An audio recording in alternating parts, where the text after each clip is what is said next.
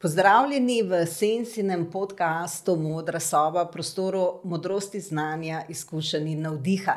Z nami je tokrat dan podjet, antropolog, s katerim se bova pogovarjala o vseh spremembah, ki se dan danes odvijajo v družbi in o vplivu tehnologije in predvsem družbenih omrežjih, tako na družbo kot na človeka. Ampak najprej bi ga predstavila. Dan podjet je znanstveni sodelavec na Inštitutu za slovensko narodopisje pri Znanstveno-raziskovalnem centru Slovenske akademije znanosti in umetnosti in izredni profesor za področje kulturne in socialne antropologije na Filozofski fakulteti Univerze v Ljubljani. Raziskovalno se posveča razmerju med ljudmi in tehnologijami, izolaciji v kriznih časih ter razvoju trajnostnih izdelkov in storitev po meri ljudi. Vodil je več nacionalnih in mednarodnih raziskovalnih projektov. Leta 2019 je izdal odmevno knjigo Videni, v kateri je pojasnil, zakaj se vse več opazujemo in razkazujemo s pomočjo pametnih telefonov in drugih naprav.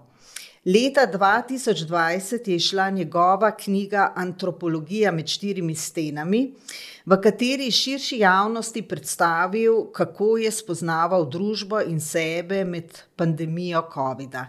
Knjigi imam tu pri sebi in lahko zagotovim, uh, da sta napisani, seveda, strokovno, z obiljem primerov in z tehtno raziskavo, ki stoji, seveda, iza teh tem, ampak napisani so zelo. Živo, pripovedno, razumljivo, tako da sta res dostopni širšemu krogu ljudi.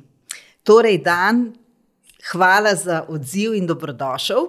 Hvala za povabilo. Uh, srečala sva se sicer prvič uh, danes. V živo, smo pa prijatelji na Facebooku, na ne, Facebooku. če se ne motim. Ampak, uh, skratka, prvič sva se srečala in sva se dogovorila, da se tikava. Tako da bo to v duhu nekakšne neke večje domačnosti uh, se odvil ta pogovor. Uh, začela bi z. z problemom, ki je najbolj pereč, in to je seveda uh, nastajanje nove kaste bogatašov, skratka ta uh, neenakost kot eden najbolj vidnih elementov sodobnega časa. Uh, v vsaki krizi v zadnjih desetih letih se je ta razlika še okrepila, in tukaj sem zbrala samo par podatkov, ki se mi zdi, da bi jih želela podeliti uh, z ljudmi. Um, o tem, o tem res, res strašljivem večanju uh, bogatstva na eni strani in seveda nastajanju revščine na drugi. Paste, prvi. Ameriška finančna revija Forbes ki podrobno spremlja bogatstvo najbogatejših, je seveda ugotovila v času epidemije, kako se je nekaterim milijarderjem enormno povečalo bogatstvo, recimo Besosu, ki je lasnik Amazona, iz 113 milijard na 165. Zuckerbergu, lasniku Facebooka, s 55 milijard na 84 milijard. Drugi vir, ki mi je še bolj pretresel, je raziskovalni inštitut Credit Suisse, ki je oktober 2020 objavil široko poročilo, ampak v njem, recimo, dva podatka sta res, res zaskrbljujoča. Paste, Severna Amerika in Evropa konec leta 2019 sta imeli v lasti 55 odstotkov vsega svetovnega bogatstva. Se pravi, več kot polovica vseh dobrin je v lasti Kanade, Amerike in Evrope. Ostalo drobiš si pa ostali delijo.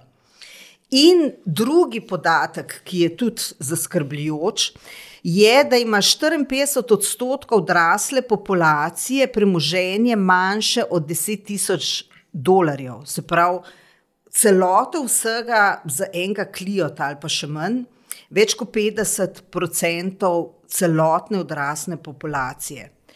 Se pravi, kako vi seveda, kot antropolog, zdaj ne bova načela teh drugih socia, soc, socialnih, socioloških vidikov, kako pač vi pojasnjujete ta trend in tudi posledice? To zdaj mi, antropologi ali jaz? Vi. Kaj rekla si, da se tikava? A ja, ok. Se upravičujem. To si ti predlagala. Ja, ja, ja ti. Vikava pa tiste. Mogoče gor, ja. Eh, tiste pač bogataše. kako, kako, kako, ja, Ali pa onikava. Uh, Karkoli, ja, evo, spozabila sem se, spozabila. Skratka, kako. Ja, kako, Um, kako, kako ti gledaš na. Uh, viš, zanimivo je to, da je recimo tudi ta bolj levičarska teorija tako nekako kar zamrznjena. Ne? Pač, uh, zelo se mi zdi, da so vsi skupaj zamrznili pri tem pojasnjevanju tega, kaj se za božjo voljo dogaja in kam gremo s tem. Ne? No, zavedati se moramo, kaj je razlog temu fenomenu in kdo so tisti ljudje, ki so najbogatejši. Če pogledamo seznam najbogatejših, recimo deseterice najbogatejših po Forbesovem seznamu, jih je šest ali pa sedem takih, ki živijo od naših podatkov. Dobesedno od naših podatkov, med njimi tudi Jeff Bezos. Mislim, da je ta hip drugi najbogatejši, mislim, da je Elon Musk ta hip na prvem Ja, mestu. so Vsekakor pa so med deseterico še Mark Zuckerberg, ki si ga omenila, uh, Larry Page in Sergey Brin, torej ustanovitelja Google, pa Larry Ellison, ki je mogoče malce manj znan, ampak je ustanovitelj Oracla in verjetno še kak. Uh, Tehno-feudalec, oziroma jaz mu pravim digitalni feudalist, um, Varufakis in Žižek pravita, da vstopamo v novo obdobje tehnofeudalizma. Zakaj gre? Um, gre za to, da s temi orodji, torej z pametnimi telefoni in drugimi napravami, mi v bistvu kopljemo zlato rudo sodobnega časa, to je podatke ali pa nafto, kakorkoli že to poimenujemo, nekaj, s čimer skratka. Eh, drugi bogatijo. In kar je res nenavadno in presenetljivo, je, da to počnemo brezplačno. Torej, v bistvu imajo delovno silo na voljo brezplačno, zato da po vsem svetu izkopava podatke za nje, oni jih pa obdelajo, interpretirajo, prodajo drugim. Pravzaprav še več, ne da delamo brezplačno, mi plačamo za to, da lahko to delamo. Najprej si kupimo orodja, torej telefone, računalnike, tablice in druge naprave, potem plačujemo za nje mesečno naročnino, potem pazi, plačujemo še za podatke, ki so nam jih že pobrali. Torej, trikrat v bistvu plačamo za to, da sploh lahko delamo, ker glavna dragocenost, glavna dobrina pa so vseh teh omrežij, seveda, podatki. In vsakič, ko se priključite čemorkoli na spletu, kar se oglašuje kot brezplačno, se morate zavedati, in se moraš tudi ti zavedati, in jaz, da smo potem mi dva produkt, s katerim se trguje. Oziroma, če smo bolj natančna, najni digitalni dvojniki, ki so ujeti na strežnikih ali pa v oblakih podjetij, kot so Amazon, Google, Meta, torej bivši Facebook in drugih podjetij. In zato, ker smo preselili tako velik del svojega življenja uh, na digitalne naprave, na zaslone, zaradi tega potem ti ljudje, res peščica posameznikov, vse bolj bogatijo. In v bistvu ni treba, da so kot bogataši 20. in 19. stoletja, to lastniki železnic, lastniki naftnih vrtin. Oni so lastniki podatkov in to sploh niso nujno ogromna podjetja po številu zaposlenih. Lahko imajo neki 10 tisoč zaposlenih, kar ni neko ogromno podjetje, pa so to vseeno multimiliarderji. In to je ta novost. In um, lahko bi kdaj poskusili zračunati in se začeti zavedati, koliko so pravzaprav vredni naši digitalni dvojniki. Recimo, če je digitalni dvojnik naš na Googlu vreden, kaj pa je sem 20-30 evrov mesečno, recimo, če nakoplje toliko podatkov in zlate rude, um, bi se mi zdel pravičnejši model. Za 21. stoletje, če želimo izenačiti to razliko med izjemno bogatimi in pa večino, ki je pravzaprav izjemno revna, da smo plačani za to, da um, upravljamo tlako. Torej, da naredimo korak nazaj k temu, da smo delavci, ne pa tlačani v feudalizmu. In seveda bo ta podjetje to zelo težko prepričati. Mm, sem prepričan. Spomnim se, mislim, da je bilo leta 2018 ali pa 2019, sem bil na neki okrogli mizi, vem, da je bilo v predkovidskem času, to se spomnim, ker nismo imeli mask, pa smo bili skupaj v um, zaprtem prostoru. In mm, takrat je bil tam tudi nek predstavnik enega od teh velikih podjetij, vse vsem katerega. In smo predlagali takrat, kaj pa če bi uvedli mi tak poslovni model, da si razdelimo, ne? mislim, to nakopane podatke. Recimo, če jih nakopljem za 20 evrov mesečno, pa da jaz dobim 10 evrov od vašega podjetja, vi pa obdržite 10, pol, pol, pa roka. No zanimiva je bila njegova izjava, njegov komentar. Tako predvsej je bil šokiran in me je gledal in je rekel: Ne, to pa ne. No, vi, vi, se, vi razmišljate kot sebičen človek. Sem bil začuden, zakaj? zakaj? Ja, vi bi kar pustili te podatke, da ležijo za vami, ne? mi pa smo jih sposobni zbrati, analizirati, agregirati, prodati drugim, ustvariti iz tega premoženje. Sprav dobrotniki. Ja, ja, v bistvu, no, tako, tako, tako, ja, v bistvu so to, ta podjetja so nekako dobrodelna podjetja, ne, ker če bi nas kar prepustila samim sebi, ne bi vedeli, kako ja, se ja. znajdemo v tem svetu. In tehnološko, tudi sem se pogovarjal z inženirji, um, strokovnjaki za računalništvo, bi bilo to seveda možno, da ste lastnik svojega podatka. Da ga po potrebi prikličete nazaj, izbrišete, če želite, tudi izginete za nekaj časa, da ste nedostopni. Torej, da na telefonu in drugi napravi označite, ne, ta teden jaz ne delam, ne želim, da se moji podatki ta teden komorkoli prodajajo. Pač tisti teden ne bom dobil več uh, denarja za to, ampak Ne vem, mogoče si pa kdo to želi, mogoče si želi odklop, ker zdaj smo pač sledeni na vsakem koraku ne, s temi napravami. To so dobesedno prisluškovalne in sledilne naprave, jih, za katere mi plačujemo. In to je še drugi paradoks tega sedanjega časa. Ne. A si predstavljate, da bi kak udbovec zvedel za to, da pač vi kupite prisluškovalno napravo, jo nosite sabo in uh, jo imate vse čas sabo in v bistvu ni treba nikomu več podtakniti ničesar. Mm, mm. Vsi smo prostovoljno noter v tem sistemu, v uh, družbi nadzora. Vsi smo jo sprejeli in s tem problemom se ne ukvarjamo. In jaz mislim, da je to glavni problem, da se temu problemu sploh ne posvečamo. Posvečamo se COVID-u in virusu, posvečamo se podnebnim spremembam, kolikor toliko. Temu vprašanju uh, zavarovanja podatkov in zasebnosti pa ne. A poznaš kakšne proteste na globalni ravni za ohranitev zasebnosti? Pa je zginila. Razdali smo jo. Zakaj? V zameno za všečke, v zameno za sledilce. Zdaj je kar nekaj smeri, ki si jih želim, da jih bomo obdelali, recimo problem nadzora, okay. problem tega neke pasivizacije človeka v, v odnosu do tega, teh družbenih sprememb in dogajanja. Ampak samo malček bi še postala pri teh podatkih, da to postavlja v nek bolj praktičen okvir, kaj to pomeni, zakaj so ti podatki tako pomembni. Ne?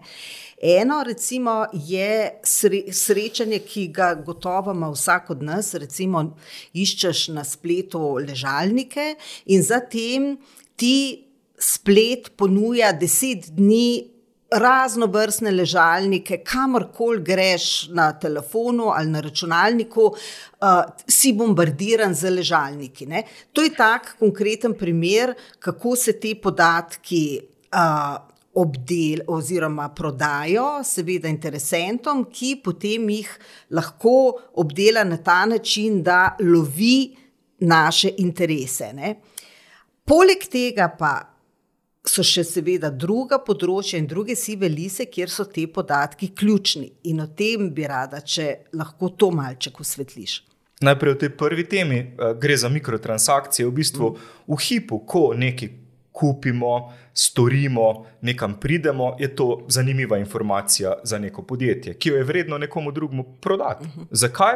Je zato, ker če ste recimo na neki plaži in zraven nekdo prodaja sladoled in dobite vi oglas, da, da nekdo prodaja sladoled, se vam bo.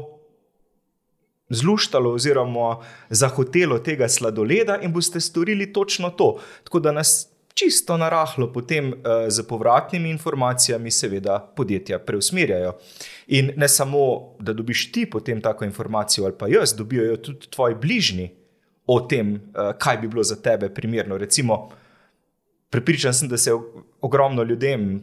Tudi uh, gledalcem, poslušalcem tega podcasta zgodilo to, da so dobili neko informacijo, uh, o tem, kaj si želi vaš partner, ali pa kaj celo kupuje vaš partner, ali pa kaj kupuje vaš partner. Ne? To zna voditi tudi v kakšne zadrege, recimo, sploh če kupuje zaročne prstane, ali pa če kupuje, vem, uh, kondome, recimo. Uh, ali pa spo, ja, zapeljivo spodne perilo, tako zdaj smo že malo pofantazirali, ampak zdaj pa ena resnična zgodba. No? Š, um, na obisk je prišla um, k nam domov neka američanka z partnerjem in on um, ne je uh, glutena, tako da sem šel potem v trgovino po polento, neke slovenske blagovne znamke, jo kupil in uh, prišel domov, pa še par stvari nabavil ne? v eno od teh v neko od prodaj, teh velikih prodajnih središč in plačal, eh, seveda se označil tam s tisto kartico ugodnosti. Ki je v bistvu tu je trik, ne, kako pač ve, da sem kupil to stvar. In očitno je to podjetje v hipu prodalo ta podatek nekomu drugemu, ker ko sem stopil domov skozi vrata, je moja žena zaupila iz spalnice, dan, a to polento si kupil. Ne, in mi pokaže na zaslonu svojega računalnika, ne vem, ki je bila na nekem omrežju, oglas za točno to polento, ki sem jo že kupil. Sicer tu se morajo očitno algoritmi še malo razviti, ker je, zakaj bi njej ponujali polento, ki sem jo že kupil, ne? ne bi morali ponuditi nekaj, kar še potrebujemo. Tako da sistemi niso dovršeni, seveda. Ampak en kup je takih anegdot, ki jih ljudje poznajo vsakdanjega življenja. Ko so bili nekje, pa dobili potem neko informacijo o tem, kaj bi lahko kupili, kaj je kupil njihov partner, kaj si pravzaprav želijo. In to je bistvo, ne?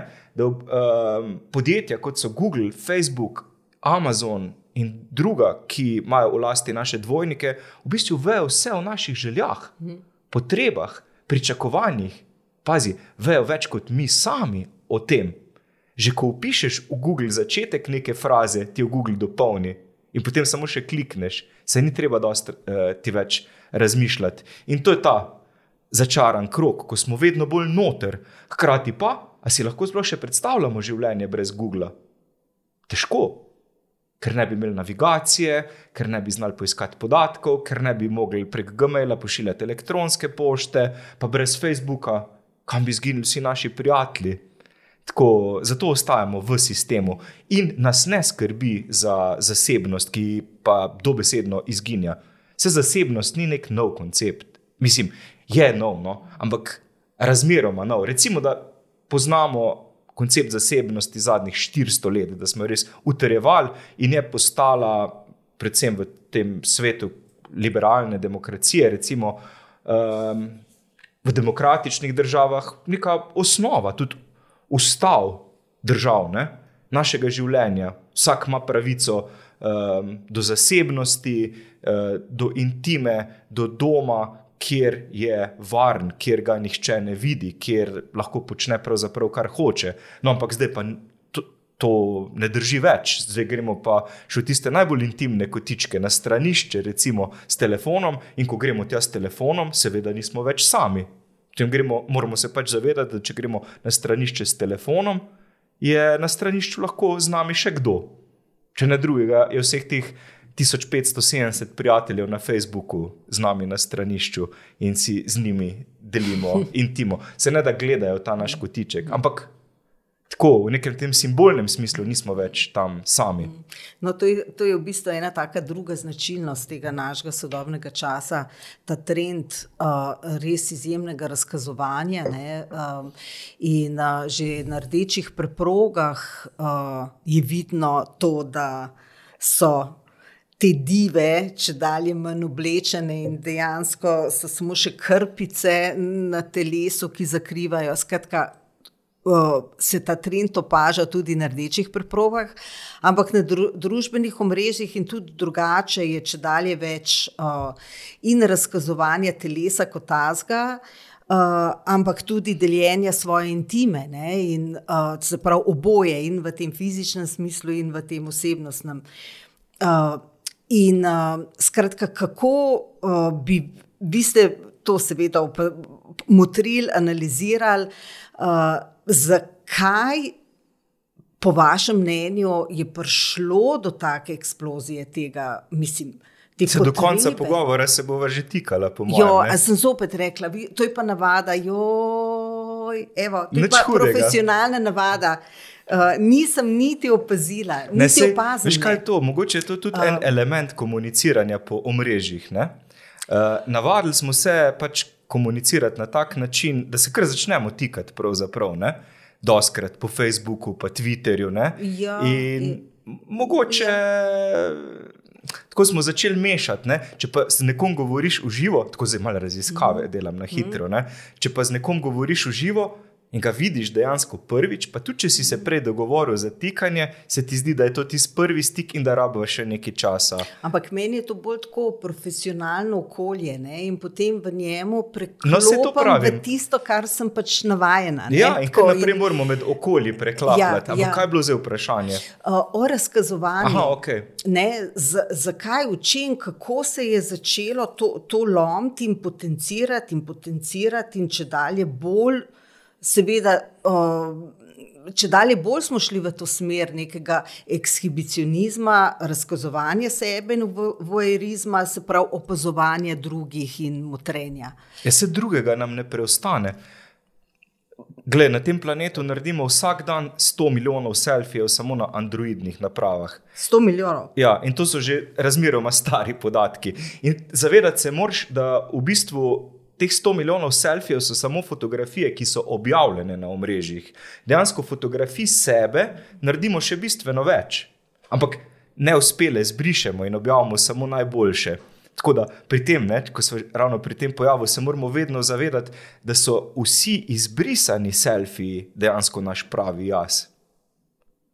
Ne pa tisti, ki ga tako izberemo, selekcioniramo in potem prilepimo na omrežje. Tam smo vedno najlepši, najboljši, v najboljši luči se pokažemo. Tudi izpilimo svojo podobo na ta način, da jo polepšamo z beautifierjem. Recimo. Beautifier, to je polepševalnik. Ne? Nastaviš si na telefonu, fotografiraš sebe in potem nastaviš svojo lepoto od nič do deset. Pač nič si tak, kot si dejansko, deset pa je tako, res lepši človek. Ne? To je v bistvu tako kot slika Dorijana Greja. Pač vedno lepši postajaš. In že to vodi v začaran krog, ko vidiš same lepe ljudi, ne vem, tvoje sošolce iz osnovne šole. Je pa kako pa ta dobro zgleda. Pa um, vse ljudi, ki so pač tudi urejeni, naličeni, razgaljeni, seveda.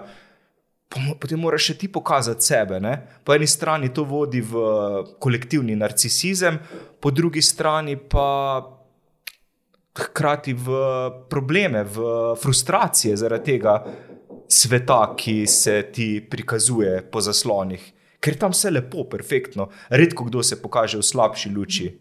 Posebej na nekaterih omrežjih, na TikToku, Instagramu, se mi zdi, da sta prav dve taki tipični omrežji. Mogoče kdaj na Twitterju, pa na Facebooku še ljudje pokažejo te bolj negativne aspekte svojega življenja. Na Instagramu pa je bistvena slika, lepota. No, in v bistvu zaradi tega, ker živimo s kamerami skoraj povsod in ker imamo povsod možnost narediti svojo fotografijo, um, živimo kot v Trumanovem šovu. Se poznaš na Ja, film. ja, ja, ja. No, in Sam uh, drugi ga mogoče ne poznajo, to je fi, uh, samo Ja, pa se to- ne bom zdaj razkril okay, preveč. Pač. Jim Carrey igra v filmu, poglejte si ga, ker je odličen prikaz današnje realnosti. On je oseba, ki živi v resničnostnem šovu, pa tega ne ve. Pa ne ve. Ja. In zdaj, recimo, otroci, ne, ko pridejo na dan, dobesedno, kaj je prva stvar, ki jo zagledajo? Ne očetov obraz, pa um, mamin uh, obraz, ko jih ga podajo na roče, ampak oko kamere, ki ga posname. In to je tista prva, prvi vtis, ki ga dobi človek. Celo več, v bistvu starši objavijo včasih po mrežjih že kar um, te uh, ultrazvočne posnetke in zraven pripišejo, pričakujemo malega otročka, pa srček, srček, ne, in potem, o, krasno, kdaj pa bo ta veseli dogodek. Tako da v bistvu v Trumanovem šovu živimo že v maternici, ne? in potem, ko pridemo na dan, in potem otroci odraščajo pred kamerami. V vrtcih, recimo, um, pa če imel tri otroke. In sem bil večkrat priča tudi v vrtcih, ne vem, pa v šolah, kakih dogodkov. In ko ne vem, otroci se naučijo neko pesmico, recimo Baby Shark, in jo potem tam prepevajo. In potem res veliko staršev dvigne telefone in snema otroka in gleda prizor skozi uh, ekran Torej, ne vidijo dejansko z lastnimi očmi lastnega otroka, ki se je naučil neko pesmico za njih, pleše in poje za njih, mi pa gledamo na sliko v ekranu. Ampak to razkazovanje, da je to eh, neka taka izvorna, psihološka uh, mehanizem, bi rekla, tega primerjanja. Ne? Da je to nekaj, kar je del uh, človekove narave, primerjamo se z drugim, uh, zato da odčitamo, kako smo dobri, kaj moramo spremeniti ali karkoli. Da tukaj so pa tako zelo dobro pognojena tla, da se je to zdaj tako ekstremno razbohotlo. Uh, ker pač vsi, uh, če se primerjamo, seveda tudi mi želimo biti tako dobri ali pa uspešni ali pa lepi. Ali pa privlačni ali karkoli, in potem nekaj naredimo na sebi in damo boljši selfi. Skratka, da je to neka taka snowball efekt, ki se kotali, ali so kakšni drugi razlogi. Pač, Mislim, odkje civilizacijsko tak boom tega razkazovanja? Ne? Jaz mislim, da je prav, res je fora v tem, da imamo te naprave vse čas s sabo. To so v bistvu fotoaparati, med drugim, ne? torej telefoni. Ja telefon je tudi fotoaparat. In bistvena inovacija, ki je spremenila to, da smo se zazrli vase, na mesto v druge, je po mojem sprednja kamera na telefonu. Te, to poznamo približno 15 let. Recimo. Mislim, da je bil prvi telefon s sprednjo kamero Sony Ericsson Z1010. Uh, ki so ga izdelali tam okoli leta 2003-2004, mogoče. Ne? In To je bil prav prelomen dogodek tako v zgodovini človeštva, se mi zdi, ko je ta sodobni Homo sapiens zagledal sebe na ekranu ne, in rekel: Pa, kako sem pa jaz slep, to pa moram fotografirati. In se je fotografiral in delil fotografijo z drugimi. Tako, eh, dve osebi sta rekli, da sta izumili dobesedno mm, selfie, in to sta bili Paris Hilton in um, njena prijateljica, pevka, pomagaj mi. Um, Ena je bila ta Lohan. Ne, Paris o, Hilton, pa. Kršna uh, Kardashianka. Ne, ne, tako ima tudi težave zdaj zaradi uh, vsega tega, kar se ji dogaja v življenju. No, se tudi Paris Hilton ima, mislim, kar ja. precej težav. Uh, Paris Hilton in uh, Britney Spears. No, ja, aha, ja, Oprosti, ja, ja, ja, nisem ja, se mogel ja. spomniti, pa če zginila zdaj z mojega horizonta. Uh, uh, ampak. Oni dve sta 2006 posneli selfie, ga objavili na omrežju, mislim, da na Twitterju, in uh, potem, mislim, da nekih deset let kasneje trdili, da sta oni dve mhm. izumiteljici selfija. Ampak dejansko je selfie že starejši pojav. Ne?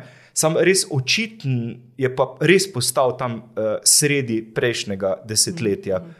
Tako postal je kar naenkrat pomembna, relevantna beseda. Se jaz mislim, da ta beseda je že sam čakala, da pride na dan. Mm. Tako obstajala v tej jezikovni mm. metamreži in se potem dobesedno pojavila in se obdržala. Ker se veš, v slovenščini so tudi poskušali uvesti izraz sebek, pa se ni ravno prijel. Ja. Hrvati pa rečejo sebič.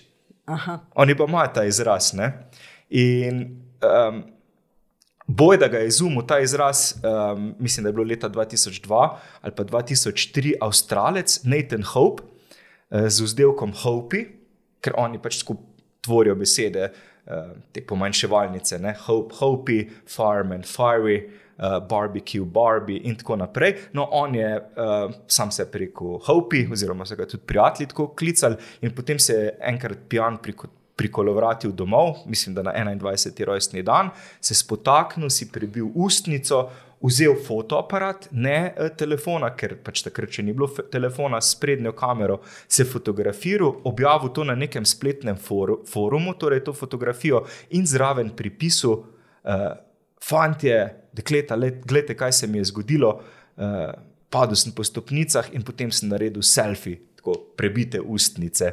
In takrat je bojda prvič bila v javni uporabi predstavljena beseda selfie. In zdaj je postala pa kar tako samoumevna. Meni se zdi, da brez selfijev sploh ne znamo več živeti. Ali pa kam iti. A veš, greš na morje in če ne narediš 20 selfijev, ni nujno to, da je fotografija tvojega obraza. Selfie je tudi futi, recimo, to je en mm. podžanr, ne? ko fotografiraš svoje noge. Tako obmorski so celo zelo mm. pogosto te mm. noge. Ne? In kaj na ta način prikazuješ? futi skoraj dosledno prikazujejo, kako uživamo na obali. Ne? Sproščeno. Potem imamo še druge podžanre, grupije, recimo, to je tudi fotografija sebe, ko so ob tebi drugi ljudje. Poudariš, ne, da si v družbi, da si družaben človek. In zanimivo, grupi so celo najpogostejši žanr uh, selfijev. No, potem obstajajo še zamorjeni selfiji, oziroma žalostni selfiji. Ti so zelo pogosto narejeni v kopalnici, na stranišču, pred ogledalom. Recimo, Zelo pogosto ljudje, ki imajo, zvejo, da imajo neko hudo bolezen, ko dobijo diagnozo od zdravnika, fotografirajo sebe na ta način, nikoli se ne, zelo redko se s prednjo kamero na telefonu, kar je ne navadno, ampak očitno se hočejo prikazati v neki drugi podobi, malce bolj se distancirati na nek način in se fotografirajo v ogledalu in takrat sporočijo to pomembno novico. Ampak v vsakem primeru pa je objava selfija. Sploh, če ga uporabimo kot profilno fotografijo na omrežju, en najpomembnejših dogodkov.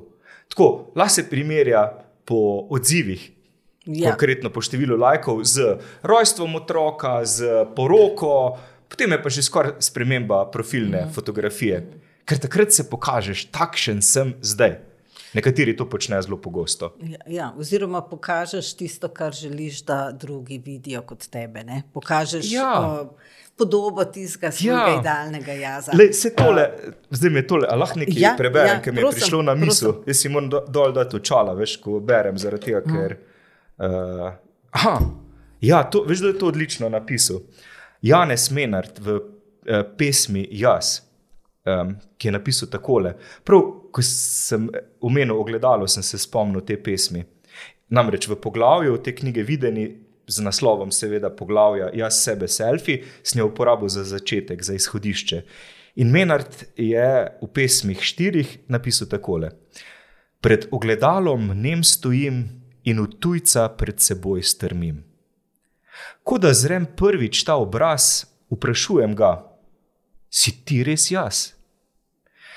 Zamišljeno me zro oči in vprašajo: Sem jaz res ti? in trezno pravi mu moj jaz, jaz nisem ti, ti nisi jaz. Jaz sem le jaz, ki se mi zdi, in ti si jaz le za ljudi. A pravi jaz je dan za dnem, uganka meni in ljudem. In se mi zdi, da je menar tako, v bistvu selfie je opisal na nek način v tej pesmi, zelo lepa. Ne? In Tako, kdo smo mi? A smo sploh še mi, če smo vedno mi za drugega? Zelo zanimivo bi bilo, če bi ljudje. Če smo lažni, mi ne. Seveda. O, pač. Veš, kako smo dolgočasni v resnici, veš, kak sem jaz v zasebnem življenju, ko me noben ne gleda. Katastrofa. Kaj se ne takrat fotografiram? A sem to pravi jaz? Seveda sem. Seveda sem. To je dejansko moj pravi jaz. Oziroma del tega, če moramo pravimo sebstvo ki je sestavljeno iz jaza zase in jaza za druge. Ne? In zdaj je ta del, ta uh, družbeni jaz, postal toliko bolj pomemben kot ta jaz, ki sem jaz za sebe, ta individualni jaz. In mislim, da moramo mogoče se spet malo bolj na ta način zazreti v sebe, brez kamere, in da ne delimo na vsakem koraku sebe eh, z drugimi, in da smo jaz samo za sebe, ne pa za ljudi. Ker to človek rabi ta hip. Ne pa da kot influencerji ali pa um, zvezdniki um, vse čas delimo svojo zasebnost z drugimi. Se to je res, to je naporno življenje. A si predstavljaš, da si 24 ur na dan pred kamerami? Nekateri snemajo še takrat, se še takrat, ko spijo in dobesedno delijo to po mrežjih. In na vsakem koraku, ko si nekje z družino, ko si na morju, ko si v gostilni, ko si doma, ko praznuješ novo leto, takrat se moraš snemati, potem te posnetke režirati, seveda, vnaprej jih um, potem obdelati, uh, skrajšati, uh, podložiti z glasbo in deliti z drugimi. Ja, pa to je naporno življenje. Ko kdo reče, da influencerji, jaz jim pravim v tej knjigi, instantni zvezdniki, ne delajo nič, jaz se s tem nikakor ne strinjam. Jaz mislim celo, da je to trdo delo in da mm, od njega, žal, mn, uh, večina dokaj skromno živi. Res redkim posameznikom uspe, predvsem tistim, seveda, ki se znajo plasirati na globalni ravni. Tem slovenskim zvezdnikom pa res Ampak to zaradi prav nič ne jezika. zavidam. To zaradi jezika, ker so zelo upeti v en mali Ja, seveda, prostor. ne, živijo ampak- v svojem mehurčku. Ne? Ja, Ampak ja. pravim, da ne vem, mislim, pa tudi mislim, ne želim si biti, ne vem. Uh, Kim Kardashian, recimo, ali pa Dan Blitzer, ali kaj že nek uh, zvezdnik z Instagrama in razkazovati vse čas svojega življenja. Že tako prevem, povem preveč. Sam dan to ne vem, to ni bilo v, nekako v zgodovini uh, teh pojavov, da so ljudje slavni zato, ker so pač slavni, oziroma da prodajo prazen ništrc, delajo zgodbe iz nič. Ne? Kako ne? Se Kdaj- to ni nov pojav. Kaj pa Žaža Gabor, recimo. Um, igralka, Dobro, to je ki je bila poročena, mimo grede, mislim, da z prastricom od uh, Paris Hilton, mislim, da je bila petkrat, šestkrat poročena. Žaža Gabor je bila dobesedno instantna zvezdnica, influencerka tistega časa. In mislim, da taki ljudje so vedno obstajali, sam zdaj imajo pač na voljo orodja, da jih vidi veliko večja množica ljudi. In tudi, ne vem, v, v, tej knjigi Videni opisujem Ivana Krambergerja, ki je bil nek proto-influencer, ki je znal odlično se uprizarjati v medijih, v javnosti, potovati po Sloveniji z Bugatijem, pa z opico Ančko na rami, se verjetno se ga še spomniš po tistem črnem klubuku in šokirati ljudi s svojimi izjavami, imeti dvourne govore po vseh slovenskih krajih. In, um, če bi mu dal, če si predstavljaš, še telefon v roke, pa če bi ga priklopili, oziroma če bi se on prijavil na Facebook, pa Instagram, pa verjetno še na TikTok. Jaz mislim, da bi imel kar dobre možnosti že za zmago na bližnjih eh, predsedniških volitvah. je. Uh, Dan, kako pa to nekako uh, pač umeščaš, uh, ta, uh, kako bi rekla, porast in razkazovanja, in uh, teh uh, slavnih, ki so slavni zato, da so slavni, um, se vse civilizacijsko po- pomika. To je pač mnenje mnogih teoretikov v, proti nekakšni narcisistični družbi, ne, v kateri uh, ta narcisizem, jaz uporabljam termin narcisizem, zato ker uh, lahko se tudi narcizem, ampak narcisizem uporabljam mladen dolar, pa sem ga od njega prevzela in ga na ta način Tudi jaz ga mislim, narcisizem. da uporabljam narcisizem. Uh, in imel tudi isto Samo sta dilemo. oba, pač, uh, Oba- ok, samo od njega sem pač ga vzela, tako da tega uh, uporabljam, narcisizem. Uh, Skratka, gre za nek pojav, da nekaj, kar je Freud uh, že pojasnil kot osebnostno motno, skratka, kot nekaj patološkega, zgraditi nek lažni, grandiozni jaz, ki se ga ponuja drugim, neko lažno zgodbo o sebi, svoji veličini, um, um, opozarjati na svoje uspehe, na lepoto svojega zunanjega izgleda in tako naprej. Zatem je pa seveda neka prazna lupina, čustveno precej prazna, nekega krhkega, negotovega človeka. Skratka, gre za neko patologijo. In zdaj v sodobnem času je ta nekdanja patologija postala nova normalnost. Ne? To bi želela, če mi lahko malo bolj Ja, usmeri. Vse si že vse povedala, tako dobro, da eh, težko še kaj dodam. Mogoče samo to, da dejansko lahko govorimo o družbeni patologiji, ta hip, ki se je več niti ne zavedamo. In jaz To- to... mislim, da je to glavni problem. Ampak si res zelo dobro pojasnila vse te, tudi evolucijo mm. tega fenomena na nek način. No, mislim, kako boš danes sploh govoril o narcisizmu, če pa ne vem, se ljudje fotografirajo na vsakem koraku in delijo svojo fotografijo z drugimi. A si predstavljaš, da bi vem, pred 30 mm. leti kdo od naju na morju, kaj pa jaz vem, na Korčuli, ko smo, dosti smo hodili tja, ko sem še hodil mlajši, starši, da bi zagledala nekoga, ko ne vem, vzame fotoaparat, ga usmeri proti sebi, tako se nastavlja, še malo na šobi ustnice, se fotografira.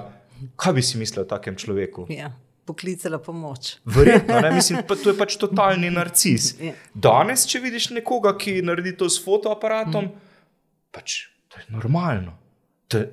nad, nad vse vsakdanja gesta. No, Jaz ampak- mislim, da moramo, no, če, če me sprašuješ, kako zdaj ven iz tega. Mislim, kar, Pa, če, sploh kar, ne vem, če kaj, sploh kako terapijo tu mi To, ki ne vem, samo pač, um, ne vem, nimam odgovorov, nimam rešitev, nič, ampak tisto, kar je pa evidentno, je to, da se dogaja neka popolna erozija psihološkega zdravja, ker to je ose, nezrela osebnostna struktura, tako zelo nerazvita, nezrela osebnostna struktura. Pač tako je. Ne? In to se pravi, gremo mi v smeri, v podporo nečemu nezrelemu, nedoraslemu, pač malček bo, bolanemu. Razvijamo in podpiramo psihološko nezdrave pač ljudi. To je meni zaskrbljujoče, ne? ker je to celovit družben pojav, to niso posamični. Ne? Seveda. In posebej pri mladih ljudeh uh, lahko to povzroča hude stiske, uh, ker se vedno primerjajo, tekmujejo, mm, skušajo biti del neke skupnosti. In če moraš biti v tej skupnosti najlepši, imeti najbolj našobljene ustnice, uh -huh. najbolj svetleče lase. Uh, In če vidiš samo fotografijo nekoga drugega, sošolke ali pa sošolca, recimo, ki izgleda vedno bolje od tebe. Ne? Zakaj? Je zato, ker je zadnji na stotine fotografij, ki so propadle in dejansko je objavljena, dejansko samo najboljša. Potem res spet lahko zapadeš v depresijo, v- imaš hude frustracije zaradi tega, se začneš izogibati družbe. Mislim, Uh, taki pojavi vodijo celo v samomorilnost. Uh, Bral sem kar precej primerih, uh, pa ne samo deklet, tudi fantov, ki so hoteli storiti samomor tega, ker, ali pa celo so ga, zaradi tega, ker niso bili dovolj lepi na selfijih, ker niso um, mogli več tekmovati z drugimi in vse čas tekmovati. Se to gre za to, da na dan potem narediš po 200-300 fotografij. Mislim, to je res težko in več čas gledati sebe, se primerjati z drugimi. To vodi v stiske. In kaj, mislim, lej, nekaj moram priporočiti. No, sej, No, nisem, prosim. nisem klinični psiholog, ampak pač mogoče kot eh, antropolog pa lahko priporočim odklop. Čim večkrat se odklopite, odklopite tudi svoje otroke, sej imate to dožnost kot starši. Jaz imam tudi.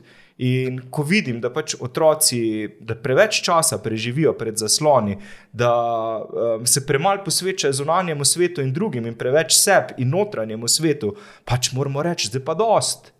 In tudi jaz pri sebi to počnem, saj jaz sem isti primer. Mislim, da ne boš mislil, da sem kakšna izjema. Še huje, jaz mislim, da sem celo občasno postanem res zasvojen, pa ne tukaj svojo podobo, kot z mediji, z medijem samim, z informacijami. Mm -hmm. Mene zdaj, že ko se pogovarjava, strašno zanima, kaj se dogaja po svetu, kaj se dogaja zunaj tega prostora, kaj se dogaja na krasu, kjer je požar. Mi dva smo pa tu v tej Ja, sobi ja, in se pogovarjava. ja, se strinjamo, Veš, v bistvu čutim Me že tudi začne jaz v sebi. srbeti, da ja. Ne? In jaz sem si potem sam nastavil na telefonu cel kup blokad, da ne morem tega gledati. Če zdaj si bom kar tako izbrisal Twitter spet, le pred tabo ga izbrišem. Aha, nastavil sem si, ne vem, kam moram to pokazati, ja, verjetno. Ja. Okay. A vidiš, na telefonu sem si nastavil aplikacijo, ki se reče Minimalist Phone. In ni več gor ikonic, tako da je zaslon telefona dolgočasen. Predvsej neatraktiven. Nič, ja, to je ja, pač ja, dolgcajt, Ja. Tu je sicer Twitter in zdaj ga bom kar zbrisal, uninstall, v redu. Ha, sem si že vdahnil. Um, to je ena od aplikacij, ki jo uporabljam. Zakaj? Tega, ker so te ikonice že same po sebi izjemno privlačne. To so kot bombončke, veš, ko zagledaš to pisano, ta pisan nabor, rečeš, o, sem eno. Ikonco še pa tole, pa tole, pa sem še kliknem. Najhuje pa je, ko zagledaš obi konci za Facebook, recimo še krogec 12 novih obvestil. Uh! In ko zagledaš tisti krogec, te informacije ne moreš odmisliti. A veš? Zaradi tega, ker to je tako, kot da greš mimo svojega poštnega nabiralnika in zagledaš gor, ne vem, uh, zagledaš kup pošte, noter zataknjene. Težko odmisliš. No, jaz pravzaprav kar odmislim, ker so v glavnem samo še računi, ker vse dobivam, kar je pametnega po elektronski pošti. Recimo. Ampak veš, o čem govorim. Gre za informacijo, ki je ne moreš odmisliti. In zaradi te informacije, kot kažejo raziskave, ljudem dobesedno pade sposobnost reševanja problemov, torej inteligenčni kvocijent. Če vam zazvoni telefon, oziroma naredi ping, ne, ko dobimo potisno sporočilo, v tistem trenutku nam IQ pade in nismo več sposobni se fokusirati na problem, ki ga rešujemo, ampak se moramo ukvarjati s tem, kdo nam je Aha, pisal. je že- je ja, že, uh, naša pozornost, pozornost je že šla odšla. stran. No, in to sem sam hotel reči, odklapljati sebe, to je samo en od primerov, kako. Imam še drugi, druge aplikacije, ki mi potem zaklenejo telefon čez nekaj časa, zdaj moram dati ženi verjetno šifro, da jo bo samo ona vedela, da ne bom mogel dostopati do omrežij in tako naprej. Pač blokiram sebe, zakaj? Zato, da si prihranim čas. Ker mi pred zasloni preživimo noro veliko časa, že v predkovidskem času 8 do 9 ur dnevno, zdaj v lockdownih, v popolnih zaprtih 13 ur dnevno pred zasloni. Torej, Se pravi, telefoni, telefon, računalnik. televizija, računalniki, tablice, vse, kar ima zaslone. Tri ure smo bili še odklopljeni od zaslonov, če 8 ur spimo, recimo. Ne? In to pomeni, da se je res tehnika zelo prevesla v to smer digitalnega, oziroma sveta, ki ga dojemamo pred zasloni. In zato je včasih pravim, da je to, kar je fizično, ta hip v bistvu manj realno kot to, kar je digitalno. Tako da tisti, ki govori o virtualni resničnosti, oziroma navidezni resničnosti, kot tistem, kar je na zaslonu, se krepko moti. Dejansko je to, kar mi dva zdaj počneva, virtualno. Veš, ker redko koga še tako srečam od blizu, pa se pogovarjam na tak način. Včeraj smo imeli sestanke po Zoomu, pa koliko, ne vem, mislim, da je 4 ure sestankovanja po Zoomu. Ne? In zdaj, ko se s tabo pogovarjam od blizu, Je to nekaj je nenavadnega? to res nekaj nenavadnega. ja, Skoraj bi rekel spektakularnega. Tako, mislim, se mi je fajn, mm. veš, mislim, fajn me, ker je čist druga, drug občutek. Mm. Je. Mene je bilo groza že tega predavanja, veš, ko sem dve leti predaval. Skoraj nadaljavo, eno, en, eno celotno študijsko leto nadaljavo. Videli smo se samo enkrat fizično uh, z razredom oziroma z letnikom, in potem na koncu, ko so imeli študenti to zaključno zabavo, so tudi mene povabili, uh, če pridem tja. No, in pridem, in jaz teh ljudi nisem spoznal.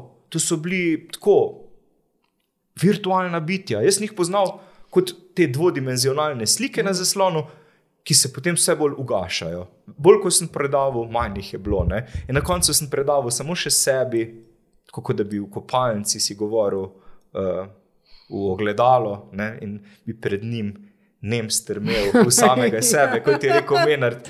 Njih pa ni bilo več. In to je bil res tak nek grozen obrat v to, Ja. veš, ko moraš sam v sebi govoriti. Zdaj sem zvedel, da se da na Zoomu izključiti svojo podobo, to se mi zdi kar tako olajšanje.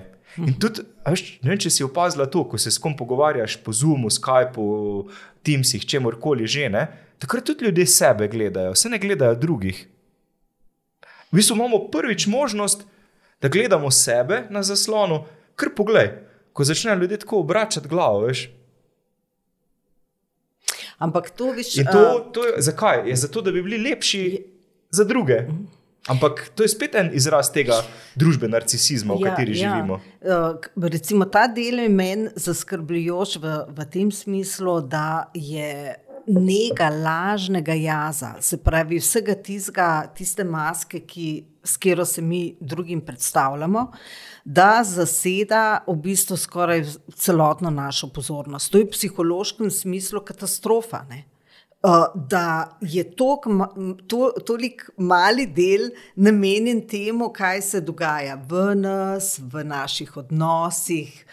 Uh, mislim, to je čist minimalizirano in ta gojenje tega lažnega jaza v toličnem smislu uh, se mi zdi, da bo pripeljal do nekih lomov, devijacij ali nečesa, kjer se bo človek začel lo, lomiti sam v sebi. Vsi zato je tudi toliko pojavov de, depresij, tesnobnosti, uh, uh, ne vem, uh, pač vseh teh novodob, mislim, novodobnih bolezni. Ne? Še bolj šokantno, ne? umorov pred kamerami. Se tudi nek tak primer v tej knjigi Videnje opišem, uh, ki se je zgodil tudi pri nas, recimo, ko so nekega fanta Ja, pretepli in do smrti in to uživo snemali po Facebooku. No, na. Dolenskem se je to zgodilo. No, ja. Mislim, to je prav izraz tega. Snuff, snuff movie. Ja, eh, in to lahko zdaj posname kdorkoli, predvaja kdorkoli, ogleda si kdorkoli. Ne, to je tudi res tako ekstremna deviacija.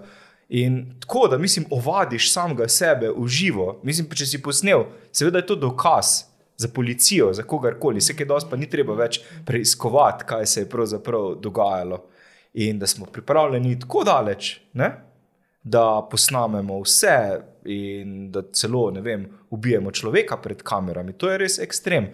Sam jaz ne bi bil tako črnogled, le, mislim, živimo v družbi, kakršni živimo. Ok, neko izhodišče imamo res, ker zdaj smo začeli zelo tako Ne, moreče. ne, ne, ne, ne, ni, eh, sploh ne, tudi jaz ne želim imeti v, tem, eh, v, v moreče interpretacije. Ja. Sploh ne.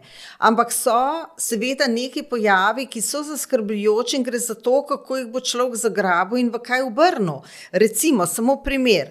Če smo govorili o tem, koliko časa preživimo pred ekrani, zasloni, to se pravi televizija, mobitel Ja. in tako. Če, če res glavnino časa preživimo in če se zavedamo in vemo, da so v 20. stoletju delali najdaljšo, najbolj poglobljeno raziskavo v zgodovini človeštva, Harvardsko, ne, o sreči.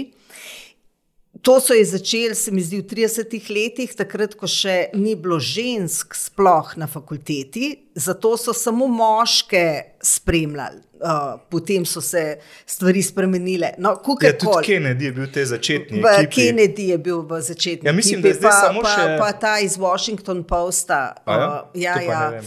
V glavnem, mislim, da je samo še 12 ljudi Ja, živih. Mislim, da jih je bilo na od začetku tistega, ja.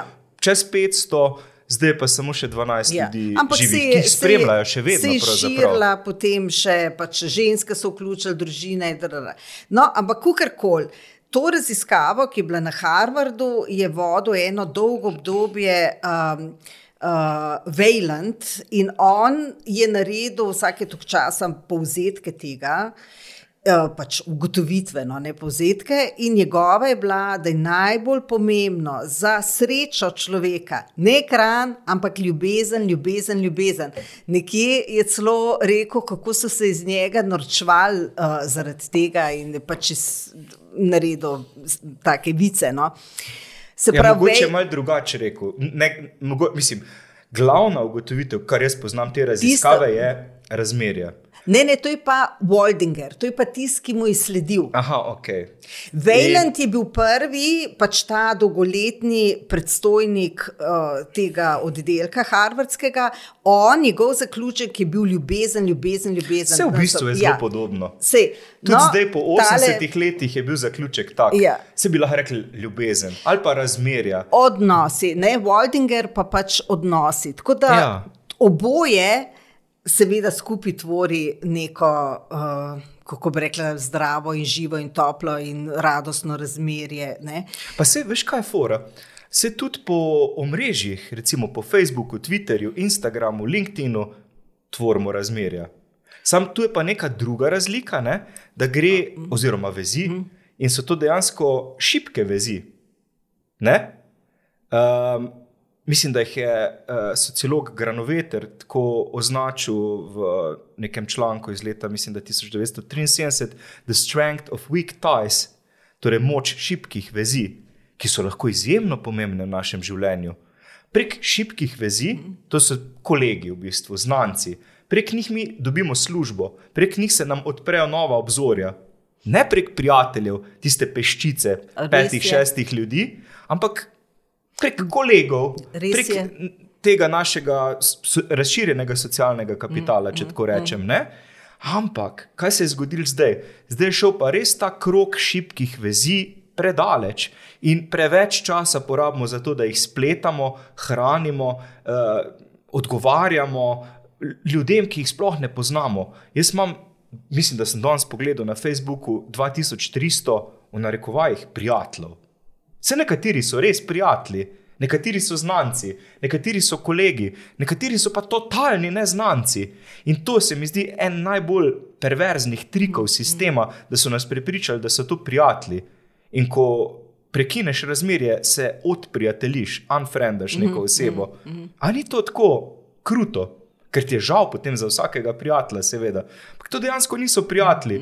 In zato, ker imamo toliko digitalnih prijateljev, oziroma prijateljev preko mreži, nimamo več časa za prave prijatelje. To pa prav kažejo raziskave zdaj, da teh pravih prijateljev in čvrstih vezi, teh, o katerih govori ta harvardska raziskava, je vedno manj.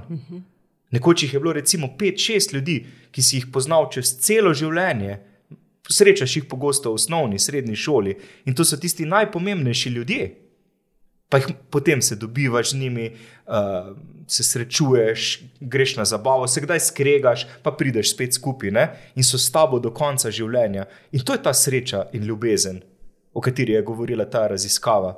To so ta čvrsta razmerja, ki osmislijo tvoje življenje. In problem pa je, kot je rekel Šifrer, ker za prijatelje si je pa treba čas vzeti. In tega časa pa nimamo, ker smo pač pred ekrani, ker moramo vse čas spletati vezi po omrežjih. In kako naj potem uh, si vzamemo čas za prijatelje, pa še seveda delati, skrbeti za družino, um, delati več, zato da imamo lahko več tudi stvari, vsega, kar potrebujemo v življenju. In zato smo v začaranem krogu in zato smo več vezi, ko imamo, bolj nesrečni postajamo. Zato res še enkrat svetujem, pač odklop. Se ne pravim, da morate prekiniti um, naročniško razmerje z vsemi vašimi prijatelji, če tako rečem, in se odklopiti od omrežij, razbiti naprave, jih vršiti čez okna, uh, sleči obleke, steči v gosti in tako po rusojevsko nazaj k naravi, ki pa, pa se nisem nor, pač vemo, v kakšnem svetu živimo. Sam omogočiti si odklop. In naprave nam lahko omogočijo odklop. Se ni treba, da smo in so samo pač urodje, da z drugimi komuniciramo, ne pa da one upravljajo z nami. Torej, mi smo lahko tisti, ki uporabljamo naprave, ne pa da one uporabljajo nas. Še eno področje bi rada malo da osvetljiva in to je ta uh, inf, uh, overload informacij. Skratka, predozirani smo z informacijami, niti jih ne moremo presnoviti, umestiti, uh, absorbirati in se zgublja pogosto sled tega, kaj je res, kaj ni res, kaj sploh je resnica v tej poplavi informacij. Kaj je res?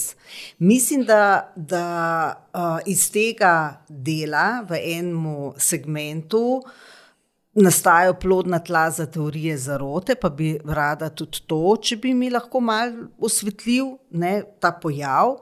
Um, na drugi strani je pa zopet ta psihološki, kako bi rekla, del ali pa posledica. Če je vse tako negotovo in vemo, kaj je res, kaj ni res, kaj je, kaj je resnična, ali pa, pač kaj so informacije, ki so kredibilne, kje pa ne, je to precejšen občutek negotovosti. To se pravi, nismo varni tam, kjer smo. Se pravi, zopet pride potem do teh psiholoških posledic, ne? tesnoba, depresija itd. Se pravi, več teh, kako bi rekla. Je, pa nočem biti črnogleda, ni to ne črnogleda, tako pač je, kaj ne. Ja, ne? se, no, mislim, se, tako, Pač- res je, tako je. Pač, Kak je nej? svet? Kaj ne vem, ali si gledala to serijo Črno ogledalo, poznaš? Ne, Na ne, Netflixu, res ne, priporočam ogled. Tukaj imam pa jaz uh, precejšno restrikcijo, kar se tiče. Uh, Gledanja. ja, ja. Viš tudi ti pa sama sebe brzdaš. Uh, po, mislim, brzdam, ja, kar se da, ampak podležem tudi neprestano skozi. Ne. Aha. Tako da sem eden od tistih, ki, ki ga kar odnese, pa se potem zabrzda. No, se, ampak to črno gledalo sem omenil, tudi študentom vedno rečem, vsako leto, dajte, poglejte si to uh, serijo, ker se splača, ker enostavno prikazuje svet nekaj korakov v prihodnosti in govori o tovrstnih fenomenih. Kako je bilo zdaj vprašanje, zdaj sem v črnem ogledalu? Vple- Vprašanje je bilo sledeče: da je tolikšna poplava informacij, Aha, ja, ja, ja. da smo Razumem. negotovi v tem, kaj, komu zaupati, kaj je kredibilno, kaj Ja, ja. je res, kaj ni. In pol, Razumem. Ja, res je, živimo v času po resnice, postfaktičnem času. In zakaj spet zato, ker imamo na voljo res preobilje informacij. In od uh, omrežij do teh klasičnih, tradicionalnih medijev, ki še vedno obstajajo, časopisov, revij, televizije, radia. Um, do ljudi, ki nam seveda servirajo takšne in drugačne informacije. In jaz mislim, da doskrat pademo v to zanko, v katero nas vodijo predvsem omrežja, ki so dejansko postala zdaj osrednji mediji, tisti, ki tako malo želivo govorijo o mainstream medijih, MSM oziroma o srednjih medijih, se motijo, ne? ker jaz mislim, da je. Tole, kar držimo v roki, pa poslušalci ne vidijo, gledalci vidijo, uh, to je osrednji medij, pač Facebook, Twitter, Instagram, TikTok, vsak ima svoj osrednji medij, tisto omrežje, ki mu je najpomembnejše. In tam nam tudi algoritmi, seveda, servirajo informacije, ki so um, bolj zanimive, uznemirljive, bolj nam pisane na kožo, ker, kot rečeno, omrežja nas zelo dobro poznajo, poznajo naše prejšnje objave, kaj smo prej všečkali, eh, kaj smo prej komentirali, in nam servirajo še vedno še vse več takih informacij. In ker se vse bolj zapiramo v svoje informacijske mehurčke, tega, iz katerih izločimo vse drugače misleče postopoma in se družimo predvsem še s tistimi, ki nas podpirajo, ki lajkajo naše objave, ki komentirajo naše objave, um, se potem lahko znajdemo res v neki taki zajči luknji, iz katere ne vidimo več realnosti. Ampak se vprašanje, kaj sploh realnost pravzaprav je. Pač ima vsak svojo realnost, ki si jo zgradi na podlagi informacij, ki pridejo do njega. Ne vem, spet pogleda 30 let nazaj, um, ko smo imeli, ko smo gledali vem, televizijski dnevnik in so bili potem neki prepoznani, ugledni novinari, ki so nam v oddajah prebrali, kaj oni mislijo.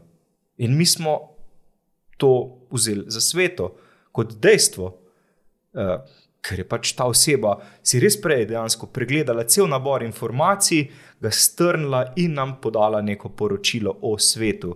In takrat smo si lahko ustvarili neko skupno podobo resničnosti, zdaj pa. Si ustvarja vsak svojo podobo, in zato se tudi tako hitro skregamo potem. No? In zaradi politike, in zaradi COVID-a, in kjerkoli druge teme, vsaka je zdaj problematična, skoraj. Zaradi tega ne pridemo več skupaj. In jaz mislim, da res, enkrat sem to rekel v eni oddaji, um, ne spomnim se na kateri televizijski uh, hiši že, pa vem, da je pa doživela kar tako precejšen. Negativen odziv, oziroma jaz sem pa dobil precej negativnih komentarjev uh, pod to novico. Uh, ker se pa bom kar ponovil to ja, isto, prosim. ker se mi zdi pomembno. Jaz mislim, da živimo v tiraniji lastnega mnenja. V času tiranije lastnega mnenja, ko lastno mnenje postavljamo na vrh prioritet. Torej, na vrhu je moje mnenje, potem nižje je tvoje mnenje, še nižje je naše skupno mnenje, če sploh obstaja spodaj pa je vedenje in znanje.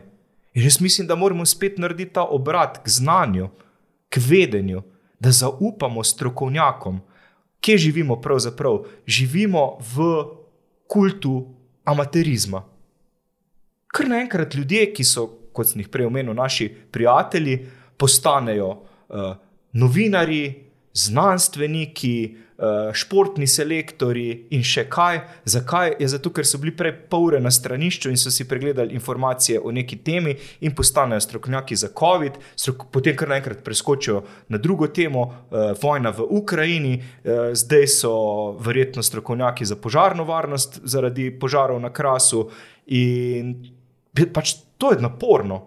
Mislim, kar si želim je, ne vem, jaz osebno zaupati tistemu, ki se spozna na neko temo. Zato jaz mislim, da je treba nujno vrniti kredibilnost novinarjem in novinarstvu kot poklicu. Jaz izjemno cenim ta poklic tudi zato, ker je bila moja mama novinarka in um, vem, da je to naporen poklic, uh, odgovoren poklic in pa uh, poklic, ki je res postal neizmerno razvrednoten v zadnjih 20 letih. Tudi sam sem delal kot novinar, še v mogoče bolj romantičnih časih, tam na prelomu tisočletja, najprej na Radio Slovenija, potem eh, na gospodarskem vestniku nekaj časa. In že takrat je pač novinarstvo bilo na nekem prelomu, zdaj pa gre strmo navzdol. Ravno zato, ker je vsak lahko novinar, vsak misli, da lahko ustvari novico, vsak misli, da je lahko fotoreporter, ker iz žepa potegne telefon in fotografira nek dogodek, in dejansko to tudi je za nek svoj krok poslušalcev, gledalcev in bralcev. In zato pravim, da prosim, če le možno, prenehimo s tem kultom amaterizma in začnimo zaupati profesionalcem. Če mi crkne avto, sicer ga nimamo več na srečo, tako da mi ne more crkniti, ampak eh, če bi mi crknil, bi šel k eh, mehaniku. In če ne vem, imam zdravstvene težave, grem k zdravniku. Če ne vem, kaj bi naredil v zvezi z pandemijo COVID-a, poslušam strokovnjake. Če Ne vem, me zanima, kako se zna razviti vojna v Ukrajini. Ne vem, prisluhnem novinarjem, politologom, eh, res strokovnjakom za zunanjo politiko, ne pa ljudem, ki jim sledim po Facebooku in ki imajo vsak svoje mnenje. In če jaz njihovega mnenja ne sprejmem, me odslovijo. V tem je problem. Zakaj pa potem toliko, tolikšen porast bulinga? Na družbenih omrežjih. Bullying je izživljanje med vrstniki, mobbing pa v relaciji šefi podrejeni. Ne? Skratka, bullying. Uh, se odvija med uh, enakimi. Uh mhm. -huh. Se pravi, zakaj uh, od tod izvira potem tolikšen razrast bulinga? Jaz ga namreč uh, tako pač opazujem, to je ne, nekdanja novinarska kako bi rekla, stalnina. Ne, sem 25 let novinarla, uh, ko zaznam nek pojav, ga opazujem. Ne, uh, Nekaj časa. In recimo so neki frendi ne, na Facebooku, pač ljudje, ki jih osebno ne poznam, jih pa poznam iz uh, določene uh, kulturne sredine. Eden je iz bolj levega uh, okolja, eden je na bolj desnem okolju. Ne? Ampak oba dva, ta dva človeka, sta deležna od nasprotnikov in eden in drugim, mislim, dnevno juce frajo. Mhm. Uh, tako da, da je ta, kako bi rekla, porast tega, te nestrpnosti, da nekdo misli pač drugače, nekdo misli pač drugače, so what in kaj pol. Mislim, ta nestrpnost, da nekdo pač vidi stvari drugače, meni je to, meni je to neverjetno, no? da, da, da, da se pač ne pusti dihati, da vsak diha svoj zrak, dokler ne škodi, seveda, svojemu bližnjemu. Ne? Pač tukaj so meje. Ampak da ljudje vidimo drugače, mislimo drugače, čutimo drugače, da je to nekaj naravnega. In drugo, dan, kar mi je absurdno, je to, kar si prej omenil, glede tega mnenja, ta avtoriteta lastnega mnenja. V bistvu tudi mi sami se skozi življenje nič koliko krat zamenjamo mnenje in spremenimo to, kar jaz mislim danes, nisem mislila kot mula ali pa kot pubertetnica ali pa potem, ko sem bila na faksu. Tudi jaz sem neke svoje mnenja korigirala, razširila, lahko popolnoma spremenila, svoje lastno. Torej, zakaj na ukope, če ta trenutek nekaj vidimo tako, kot vidimo? Se pravi, dvojno absurdno. No? Absolutno se strinjam in tudi stati za svojim mnenjem, za vsako ceno, se mi zdi neumnost. Popolna neumnost. Mislim, priznajmo nekomu, da imam da obstaja možnost, da ima lahko prav za začetek. Ja, ali pa saj zanimivo je, mogoče pa on kaj vid, kar jaz ne vidim. Ne? Ampak pa... vprašanje je bilo, zakaj postanemo tako hitro, tako žaljivi drug do drugega. Uh, bullying je bil izvorno. Ja, ja veš, je od tukaj potem ta porast pač tolikšnega življenja. Ti slediš temu, kar se dogaja po omrežjih. Ja, ja. Glej, spet je medij tisti, to greva kar k Mekluanu, pa poznaš tisto frazo, medij je sporočilo, the medium is the ja, message. Ja, ja. In um, gre za to, da medij sam vpliva na to, na kak način komuniciramo drug z drugim. Twitter se mi zdi prav res narejen, ustvarjen za to. Ne vem, koliko poznaš uh, komuniciranje na Twitterju, ker si, vem, da si bolj na Facebooku. Jaz sem samo tudi jaz tebe pre, pregledal, veš, Samo sem se na Facebooku, ker mi že intervjuja. to čist preveč. Ampak uh, moram tudi jaz narediti nalogo razis za raziskovalno. Ne Lepo. samo, da imaš ti liste pred sabo, ampak sem tudi jaz nekaj prebral. Za vsak slučaj. Ja. A Veš, se ne veš, s kom se srečaš, Ja, ja, ja, se prvič s kakšno- vidiva. seveda, Kaj pa, kaj pa, če bi me kam zvabila, potem pa ne vem, uklenila. Pa.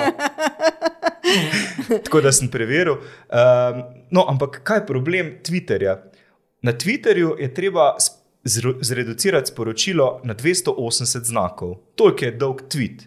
Na začetku je bil dolg celo 140 znakov, pa so zdaj pred nekaj leti potem to podaljšali na 280. To so izjemno kratka sporočila. Uh, in gre v bistvu, tako kot je rekel mladen dolar, potem zelo hitro v smer belskanja, ker so to neki kratki, odsekani, ne čivki, ampak belski, dobesedno. Uh, kratke, udarne, ostre izjave, ki pa morajo biti kratke, ker, so pač, ker je tak medij, uh, udarne in ostre, ker drugače ostaneš spregledan. Koga Seveda. briga, nek, uh, bodimo prijatelji, imejmo se radi, pa kdo bo to lajko in delil, koga to briga. Mislim, napisati je treba nekaj ostrega, žaljivega, um, nesramnega, take stvari se potem delijo. Kar mene osebno najbolj jezi, ker eh, so pogosto tudi slovnično nepravilni ti tviti, ampak se to nikogar ne briga več. Mislim, deli se vse, karkoli. In v čem je trik? Treba je iti vedno bolj do roba. Ta rob pa se širi in širi tega, kar je še sprejemljivo, dovoljeno. No, in redko kdo pade čez rob, redko koga blokirajo, pravzaprav redko koga skupnost izloči, redko koga Twitter sankcionira. Sankcionirali so Trumpa, recimo, ne, ko je šel res čez rob in skoraj zakuhal državni udar v Združenih državah Amerike. Z svojim tvitanjem, podžiganjem, ki je trajalo leta in leta, in 6. januarja lansko leto ga je Twitter z enim klikom izključil.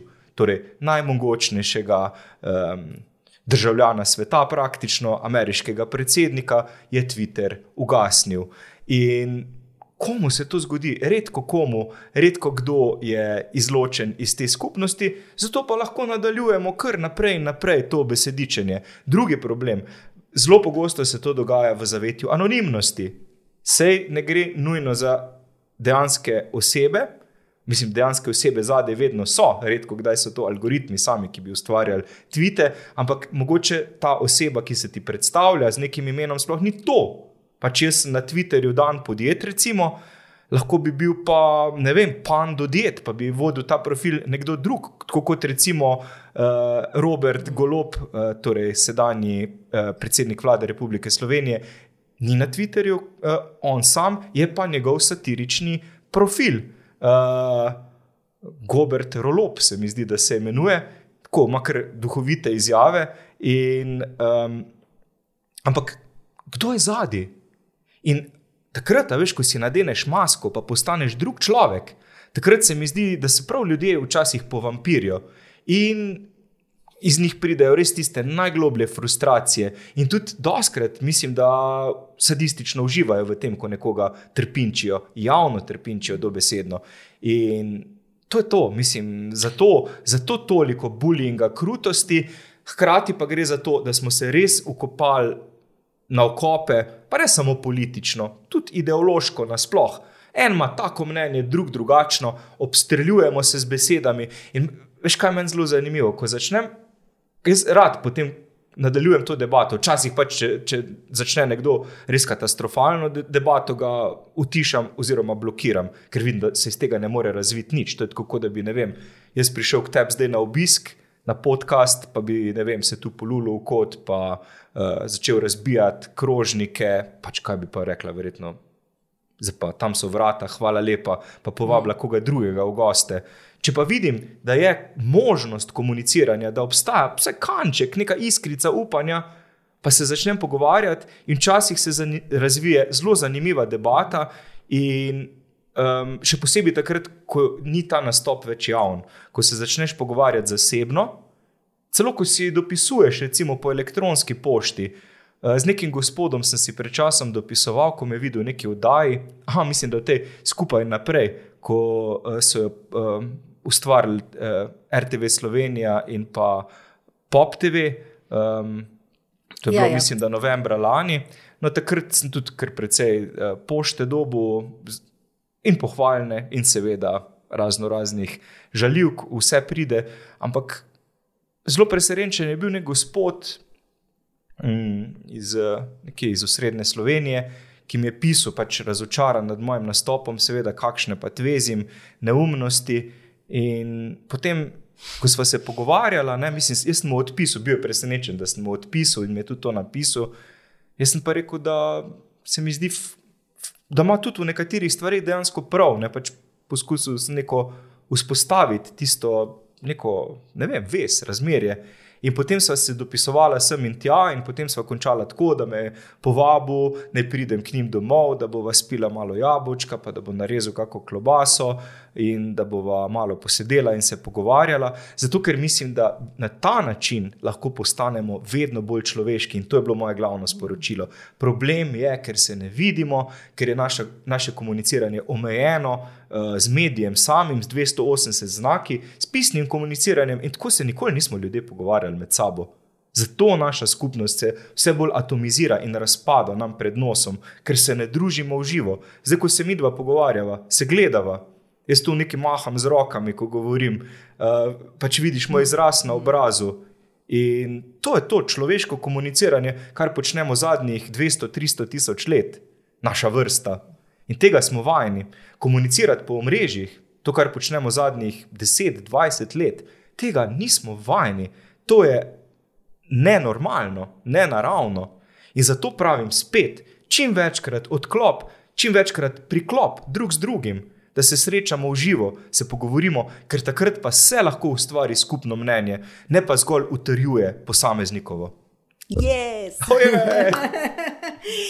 Le dan še eno stvar, če mi lahko uh, sva prej nakazala, če lahko samo malček pojasniš, osvetliš, kako ti vidiš, zakaj je tolikšen razraz porast teorij zarote. Zakaj si skozi ta polja ljudje pač pojasnjujejo svet. Um, teoretiki zarote so zelo zanimivi ljudje, zelo posebni ljudje, tudi zelo inovativni ljudje. Raziskave kažejo, da so to ljudje, ki bi se prej pridružili kakšni teoriji zarote, če bi jih kdo povabil. Recimo, vem, da bi NASA rekla. Ej, a bi prišel ti, bomo posneli en film o tem, kako smo pristali na Luni, pa bomo to potem predvajali po televiziji. In ti ljudje bi prej pristali na kaj takega. Pač radovedni ljudje so tudi sam, kar jih poznam, so zabavni, inovativni, zanimivi ljudje. Imajo pa problem, da začnejo verjeti v neko temo. In dobesedno padejo v zajče luknjo, iz katere se ne znajo več sami izkopati. In tudi tisti, ki so se ukvarjali s tem, kako teoretika zarote spreobrniti, recimo teoretika zarote, ki verjame v chemtrails, a veš kaj so chemtrails? No, mislim, tiste, ki jih pač vse ja, letala ja, ja. spuščajo, ja. neke sledi. snovi, sledi, vidijo se kot sledi, to pade na zemljo, tudi nam na telo, potem se nam neki nanočrvi ustvarjajo pod kožo, pod nekih podzarotah. Ne? No, če začneš prepričevati tega, ki to verjame, da dejansko gre za fizikalni pojav, za sled na nebu, ki jo zaradi gibanja zraka ob krilu letala ustvarja letalo, bo, ampak samo na določeni višini in ob določenih uh, pogojih ti ne bo verjel. In potem ga moraš spet res prepričati in najti, in mu tudi in ga poslušati. In ga poslušati, kaj on misli, in mu nikakor mu ne smeš reči, ti si neumen človek. Pač poslušati ga moraš in ga skušati z dejstvi prepričati. Ampak kot rečeno, komu se pa to da? Mislim, če bi bil to moj otrok, recimo, ali pa moja partnerka, seveda bi se lotil kakega takega projekta. Ampak jaz prepričevati javnost, recimo, nekoga, ki ne, vem, ne verjame, da obstaja virus COVID oziroma SARS-CoV-2, pač kako ga ne prepričam? Pa da ne vem, je pač stesti v bolnico. Kako ne? bolnico? Mislim. Tam, kjer uh, so na, na, na, na, na unih priklopljeni bolniki. Ne? Ja, pa se tudi take fotografije se širijo po mrežjih, pa da so to lažne fotografije. Vse nekaj gre v život, ja. Ne? Ja, in kaj uh, imamo, ekskurzije v bolnice? Ne, mislim, pač, uh, ne, nisem mislila, da bi bilo to rešitev, ampak povabilo, ne, pač, ne grejo pomagati. Mm. Mislim, um, Lej, težko, seveda, se, se razumeš, težko absolutno. je skratka nekoga ven potegniti, no, ki pade v to, ker gre tudi res za poseben tip človeka. Človeka, ki zelo tako divergentno razmišlja, ki najde res neverjetne povezave tudi v svoji glavi med nekimi dejstvi in ki skače iz zarote v zaroto. Ne? Mislim, od COVID-a kar naenkrat se pojavijo teorije zarote v zvezi z Ukrajino, in potem se kar naenkrat pojavijo teorije zarote o tem svetovnem redu, novem, ki se ustvarja, in tako naprej. In tako naprej. Pač tega ni nikoli konec. Mislim, zakaj jaz v to ne verjamem, v novi svetovni red? Recimo, jaz mislim, da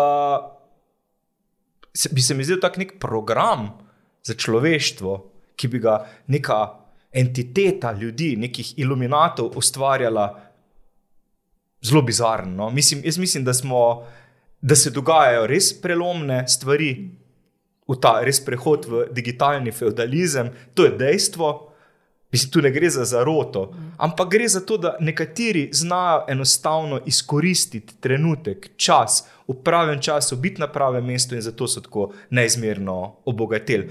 Da bi, da bi se pa ti povezali med sabo, nam zavladali kot neki reptili, ki um, so se preoblekli v ljudi, kar verjame, kar par milijonov američanov, kot vem, ne, uh, teorija vem, o teh reptilih. Se, uh, no, Uh, to so te bizarne teorije zarote, v katere začnejo ljudje verjeti, ker pač drugi verjamejo.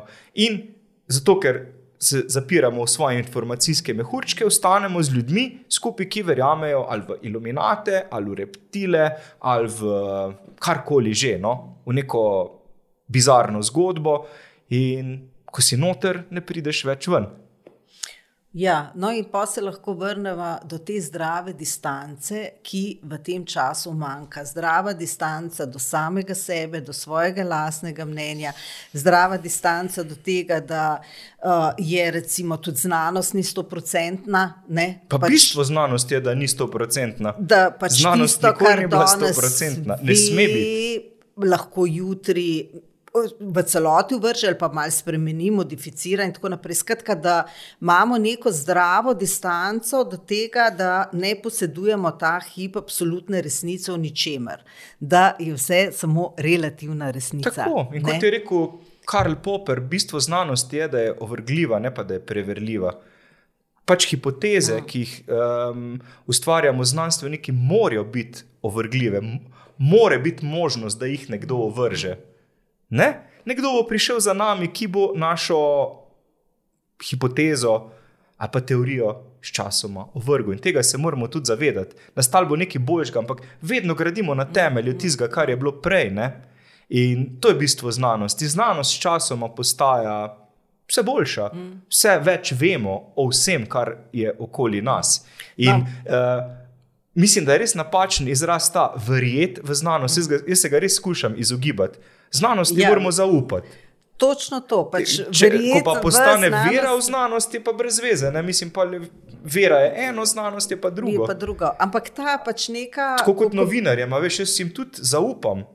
Zaupam ja. novinarjem, zaupam dobrim novinarjem in zaupam dobrim znanstvenikom in zaupam znanstvenikom. Um, na področjih, kateri, o katerih jaz nimam pojma, recimo na področju vem, uh, epidemiologije, uh, pulmologije, uh, farmacije, uh, matematike, česar koli že, uh, da res obvladajo svoje področje. No, zdaj, ko imamo dileme v zvezi s COVID-om, um, jaz mislim, da moramo tudi ta problem nasloviti večplastno, večdimenzionalno, z več različnih strani. Mm. Kar zdaj vemo, je, da COVID nikakor ni več zgolj neko um, naravno, oziroma ni nek naravni ali pa medicinski fenomen, je seveda tudi, ampak je družbeno dejstvo, um, je dejstvo, ki vpliva na politiko, gospodarstvo, šolstvo, zdravstvo, šport, kulturo, na vse, kar se nam dogaja. In zato mislim, da ga moramo pogledati tudi z teh zornih kotov. Tako bomo znali obvladati ta problem. Problem današnjega časa je tudi, da se teh globalnih problemov, kot so zdravstveni problemi s COVID-om, recimo, kot je podnebna kriza, kot je um, problem uh, izginjanja zasebnosti, lotevamo pogosto zelo enoplastno oziroma enodimenzionalno z vidika enega znanstvenega področja. Mislim, da so to tu kompleksni problemi, da jih moramo vedno pogledati z različnih strani in jih Točno. potem tudi bolje razumemo in obvladamo. Ampak se to je nek trend, se mi zdi, uh, v družbi, uh, potem celostnem pogledu, ne? recimo v medicini, po celostni medicini ali pa v znanosti, potem, da pač uh, uh, po multidisciplinarnosti, da več različnih vej sodeluje na nekem skupnem projektu. Ja, itek, ampak gled, recimo, če si bom ne. zelo mnogo, jaz ne bi si želel, da pride zdaj interdisciplinarni ne, ne, tim, ne. Veš, znanstvenikov, pa da bo filozof so... pisal en traktat o moji zlomljeni nogi, antropolog bo izvajal tam opazovanje z udeležbo, pa bo ležal zraven zraven mene. Um, vem, zdravnik mi bo potem um, dal mavec na nogo, potem bo prišel še ne vem, nek uh, inženir, pa ne vem, mi privil dva vijaka v nogo. Mislim, da moramo reševati. Probleme s tistimi področji, ki jih obvladajo. Ne? In jaz nisem strokovnjak za vse, recimo. Jaz o avtih ne vem skoraj nič, a jaz sem jih pa raziskoval. No? Sem pa res raziskoval nekaj časa promet in vozniške navade. Tako da tudi antropologi lahko mm -hmm. na tem področju nekaj prispevamo. Mm -hmm. uh, to samo še za konec je še ena tako močna značilnost tega sodobnega časa, kar se tiče sprememb, in to je to, da. Smo dobili nove štiri nožne prijatelje, ne, in to so stoli in mize, Uh -huh. uh, da večino časa presedimo in da to tudi vpliva ne samo na pač našo, kako bi rekla, telesno zdravje in telesno vitalnost, ampak to vpliva, če se ne gibamo, tudi na možgane, na prekrvljenost in tako skratka, na neko psihično kondicijo. In, uh, Ko smo se seznanili, smo ravno to temo načela o tem, si rekel, kako je to v bistvu tudi v drugih kulturah popolnoma nenaravno uh, sedeti za mizo na stolu. Ne? Da tega enostavno v zgodovinsko in v drugih kulturah ni. Ne? Pa ne samo tega, pa mislim, se tudi. Mislim, govoriti o kulturah je meni zelo težko kot antropologu. Ja, in se pravim, tudi tu zelo brzdati, kaj kultura pravzaprav je in kje so meje te kulture in kaj je naša kultura in vaša kultura. Ampak um, povedal bom tako malo nasplošno, um, kaj mislim, da je problem. Mislim, da smo postali iz dvonožnih sesalcev, bitja, ki so sedentarna bitja, bolj podobna koralam, mogoče, ki se zapirajo v svoje lupine, med štiri stene, ki sedijo na istem mestu, ki se ne premikajo in gibljemo se izjemno malo. Mislim, rezultati, tudi zdaj, spet zaradi COVID-a, v tem, kako se gibljajo mladi, so porazni. Uh, ker smo bili tukaj časa doma, ker smo tukaj časa sedeli, ker so morali otroci biti pred računalniki, ker niso imeli niti tiste telesne vzgoje v šoli, ki uh, so jo sicer imeli. Odrasli pa sploh ne. Um, odrasli sedimo v povprečju, mislim, da 9,3 ure dnevno, sedimo, zgolj sedimo. Ne? Pa če potem še ležimo celo noč, torej spimo, in to pomeni, da smo izjemno malo časa na nogah ali pa da se gibljemo. Eh, po podatkih iz eh, Velike Britanije in Irske, mladi 15, 16, 17 letniki spijo, ležijo, sedijo, so skratka pri miru več kot 19 ur dnevno. To pomeni, da štiri ure pač še stojijo. Tistega, čemu pa pravimo šport ali pa gibanje, je intenzivno gibanje, je pa res vedno manj in manj. In posledica česa je to, mislim, spet tudi našega življenja z ekrani. Ne? Se ta svet na ekranih je tukaj privlačen in to sem prej hotel povedati, pa nisem dokončal, ker smo šli na neko drugo temo. Um, tudi pri nas doma imamo spet problem z, z vzgojo, ne, ker smo med uh, pandemijo zaradi šolanja nadaljavo kupili otrokom, pač imam tri sinove, smo jim kupili. Dva računalnika, pa še eno tablico, zato da so se lahko šolali nadaljavo. In kaj se je zgodilo potem, ko pač se je šolanje nadaljavo preključ, uh, prekinilo, tudi niso šli več ven. Pač ostali so pred ekrani, ker je tam svet bistveno bolj zanimiv, ker je tam Minecraft, ker je tam Roblox, ker so tam vse druge igre, um, ker so tam filmi, ker je tam Netflix. Zakaj bi šel ven? Mislim, da je tam super svet, mislim, zakaj bi sploh hodil ven. In potem sva ženo najprej namestila nek program na računalnik, eh, ki jih je izključil, dobesedno ugasnem računalnike, po eni uri ali pa uri in pol, in potem so prišli prositi, prosim, še pol ure, samo še pol ure. No, Zdaj pa pred kakim mesecem smo jim pa računalnike kar pobrala in sva rekla.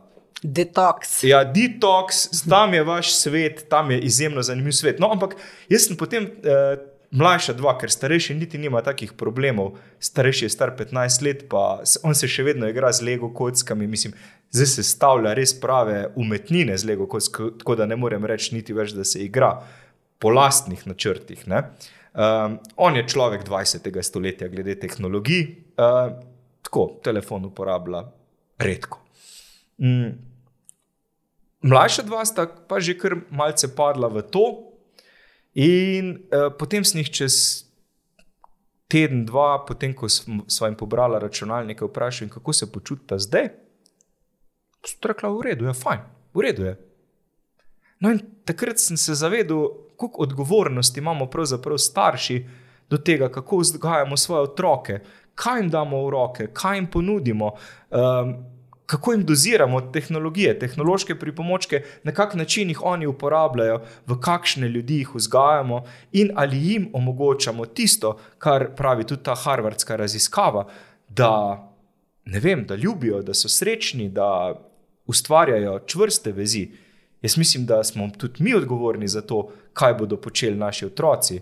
In po zaslonih, mislim, neke vezi bodo gotovo spletli, tega jim ne morem preprečiti jim niti ne mislim. Vse jim moram pa omogočiti tudi to, da spoznajo druge ljudi, druge otroke, druge vrstnike fizično, ker res mislim, da je še vedno fizično življenje temelj našega obstoja na planetu. Vsaj do takrat, ko se ne naložimo v matrico, Ko futurolog Rej Kurzweil pravi, da se bo to zgodilo leta 2045, zdaj vodja inženirskega razvoja v Google, torej da bo takrat prišlo, aha, zanimiva beseda, ki jo bom zdaj uporabil, eh, precej popularna zadnje čase, do trenutka tehnološke singularnosti. Namreč um, takrat naj bi um, ta umetna inteligenca daleč in v hipu presegla človeško. Zdaj, jaz na te kurcvajlove napovedi gledam tako malce skeptično in ne verjamem povsem. Uh, verjamem pa v to, da se vedno večji del naše identitete prenaša na splet, v oblake, da naši digitalni dvojniki zauzemajo vse večje in vse pomembnejše mesto v našem življenju in tudi delajo za nas, na mesto nas, oziroma delajo za nekoga drugega nimajo pa nečesa in to je tisti del, ki je pa optimističen del vsega tega. In sicer splet nam daje, ali pa Google, vse informacije, ki si jih poželimo. Lahko uh, gremo na Luno in uh, potujemo po Luni. Nimamo pa izkušnje. Imeti izkušnjo je najbolj neprecenljivo darilo, ki ga lahko človek v telesu skratka, doživlja. Izkušati svet, imeti izkušnjo vsega, kar nas obkroža, drugega, sebe, čustev, um, sveta. Skratka, to pa ne more dati virtualen svet. In, uh, ja, in to je tudi bistvo antropologije. Torej, izkusiti svet, izkusiti neko skupnost, biti z drugimi. Dokler nisi z drugimi, dokler samo bereš o drugih ali pa se nadaljavo pogovarjaš z njimi, ne veš, kako neka skupnost funkcionira. Ko pa preživiš, ne vem, z neko družino, par mesecev, z neko skupnostjo, ki te spreme med se, um, kaj pa je sem nekje, nekje na Trobrijanskih otokih, kamor je šel recimo Bronislav Malinovski, neki let. Potem razumeš, kako ta skupnost funkcionira, se pogovarja, zakaj imajo neke navade, zakaj nekaj počnejo.